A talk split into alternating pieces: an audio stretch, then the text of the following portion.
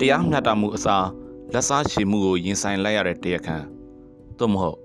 the conspirator တရားဥပဒေရဲ့အောက်မှာတရားမျှတမှုဆိုတာတကယ်ရှိပါရဲ့လားဒီမိုကရေစီရဲ့ဘိုးရီနိုင်ငံလို့တင်စားကြတဲ့အမေရိကန်ပြည်ထောင်စုလိုနေရာမှာတော့တရားဥပဒေရဲ့အောက်မှာတရားမျှတမှုပျောက်ကွယ်သွားခဲ့ရတဲ့အမှုတွေအများကြီးရှိပါတယ်ဒီအမှုတွေထဲမှာမှနာမည်ကျော်အမှုတစ်ခုအကြောင်းကိုရိုက်ကူးတင်ဆက်ထားတဲ့ဖြစ်ရမှန်ဇာကားကောင်းတစ်ကားကို ဒီတစ်ပတ်မှာ Dwell Watch ပရိသတ်တွေအတွက်တင်ဆက်ပေးခြင်းမိပါတယ်ဇာကားကိုကြည့်ရှုပြီးရင်မေးကျင်စရာမေးခွန်းတွေခေါင်းထဲမှာအစီအီပြည့်နှက်လို့ကြံရစ်နေခဲ့ပါလိမ့်မယ်တခါတလေအမှန်တရားကိုတန်ဖိုးထားပါမယ်အမှန်တရားဘက်မှာယက်တည်ပါမယ်အမှန်တရားကိုအလေးထားရှာဖွေပေးပါမယ်အမှန်တရားတည်မဲအောင်ကာကွယ်စောင့်ရှောက်ပေးပါမယ်လို့ကြိမ်ဆိုထားသူတွေကိုယ်တိုင်က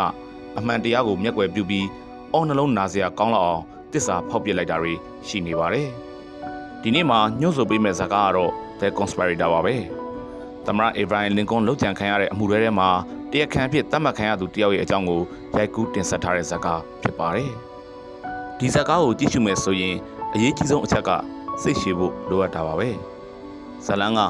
တရားခံတယောက်ရဲ့သူ့ဘက်ကလိုက်ပေးတဲ့ရှေ့နေရဲ့အမှုရင်ဆိုင်နေရတဲ့အချိန်မှာသူ့ရဲ့အိမ်နဲ့ဖြစ်ပျက်နေတာတွေရဲ့ကိုပဲအသားပေးရိုက်ကူးသွားခဲ့တာပါ။ဒါပေမဲ့ဖြစ်ရမှန်ကိုအခြေတည်ထားတာကြောင့် ဇက်ချိန်မြင့်တက်လာတဲ့အမျှဇလန်းကဆွဲဆောင်အားအရန်ကောင်းလာတာကိုထိတွေ့ခံစားရပါလိမ့်မယ်။အထူးသဖြင့် dialogue တစ်ခွန်းချင်းအလိုက်မှာတွေးစရာတွေအများကြီးပါဝင်လို့နေပါတယ်။ဇလန်းဖွင့်ကအားလုံးတီးပြီးသားအကြောင်းအရာတွေနဲ့ပဲစာဖွင့်ပါတယ်။ Ford ကားဆိုင်ုံကြီးထဲမှာလင်ကွန်းကိုဂျွန်ဝီလ်ကီဘုတ်ကလာရောက်လှုပ်ချန်တဲ့စောင့်ဝင်ခန်းနဲ့ဇလန်းကိုစပါတယ်။အဲ့နောက်တရားခံတွေကိုလိုက်ပြီးဖမ်းဆီးတာ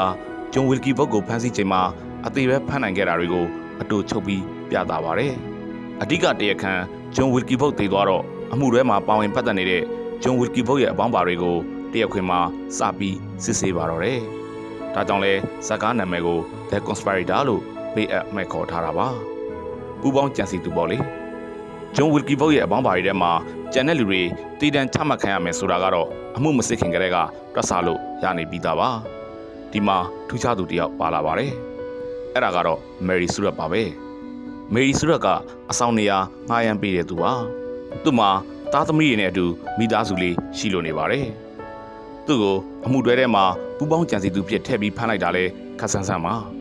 အမေရိကန်လိုနေရာမှာတော့ဒီလိုအမှုချင်းရှိခဲ့တယ်ဆိုတာကိုတက်သေးပြန်ပြနိုင်တဲ့မှတ်တမ်းအထောက်ထားဆိုရင်လည်းမမှားပါဘူးတကယ်ကဂျွန်ဝီလ်ကီဗုတ်တို့နဲ့ဆွေးနွေးတိုင်ပင်တဲ့နေရာမှာပါဝင်ခဲ့သူကမယ်ရီဆူရက်ရဲ့သားဖြစ်သူဂျွန်ဆူရက်ဖြစ်ပါတယ်အခုက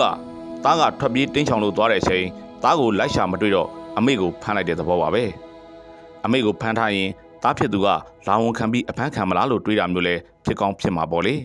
အဲ့လိုနဲ့အမှုစစ်တော့သမရလင်ကုန်းကိုလောက်ကြံရမှာအပေါင်းပါဖြစ်ခဲ့သူတွေရဲ့အမှုဆိုတော့ဘယ်ရှိနေကမှမလိုက်ပေးချင်ကြပါဘူး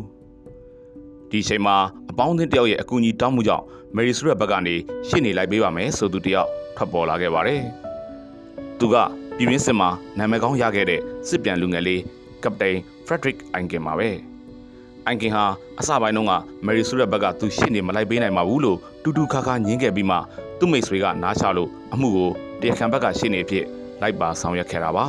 ။အဲ့နောက်မှာတော့တရားခွင်ရှေ့နေတွေကိုဇက်တိုက်ကြည့်ရတော့မှာပဲဖြစ်ပါတယ်။ဒီနေရာမှာထူးခြားလေးတစ်ခုပြောပြပါမယ်။ပညာတတ်ရဲ့ခံယူချက်နဲ့ပညာတတ်မှန်ရင်ဘယ်အချိန်မဆိုပညာတတ်အလုပ်ပဲလုပ်တယ်ဆိုတာပါပဲ။အိုင်ကင်ဟာပြည်ရင်းစစ်မှာမြောက်ပိုင်းဘက်ကနေ တိုက်ပေးခဲ့သူပါ။အခုအမှုကိုသူမလိုက်ပေးဘူးဆိုရင်လည်းရပါတယ်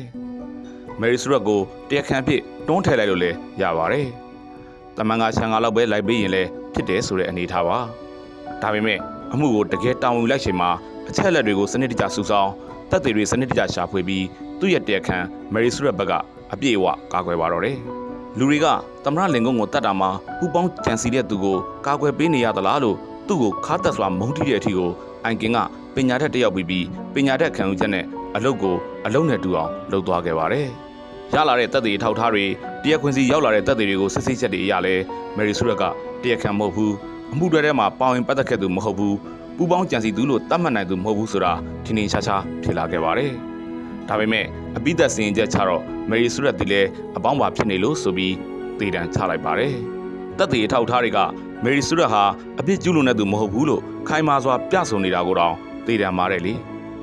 တရားဥပဒေအောက်မှာတတရားမျှတမှုပျောက်ရှာသွားတဲ့အခါအရန်ကိုကြောက်စရာကောင်းပါလားလို့မယ်ရီဆူရက်ရဲ့အမှုဖြစ်စဉ်ကိုနားထောင်ပြီးရင်သဘောပေါက်သွားပါလိမ့်မယ်ရှင်နေအိုင်ကင်ဟာလက်တော်မလျှော်ခဲ့ပါဘူး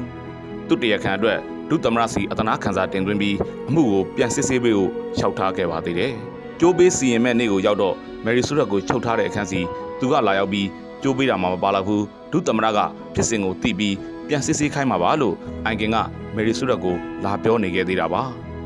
ကျိုးစဉ်တင်မို့မယ်ရီဆူရက်ကိုကျိုးတိုက်ခန်းထဲကနေလာထုတ်တော့မှကျိုးစဉ်ကိုအိုင်ကင်လှမ်းကြည့်မိပြီးရင်တုမနာဖြစ်ရပါတော့တယ်ပူပေါင်းကြံစီသူပါလို့ဘာတစ်ခုမှတတ်သိအထောက်ထားမရှိတဲ့မယ်ရီဆူရက်အတွက်ကျိုးစဉ်မှာကျိုးကွင်းကအစင်သင့်ပြင်ထားပြီးလို့ပါပဲမယ်ရီဆူရက်ကိုကျိုးစဉ်ရှိရာစီခေါ်ဆောင်သွားတော့ကျိုးတိုက်ထဲကနေအိုင်ကင်ထွက်လာချိန်မှာအစိုးရအရာရှိတယောက်ပြောလိုက်တဲ့စကားက တကယ့်ကိုရင်နာစရာပါ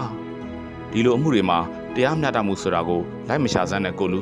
ဒီအမှုမျိုးမှာလက်စားပြန်ရှည်တာပဲရှိတယ်လေ။သားကိုမတွေးလို့အမေကိုဖမ်း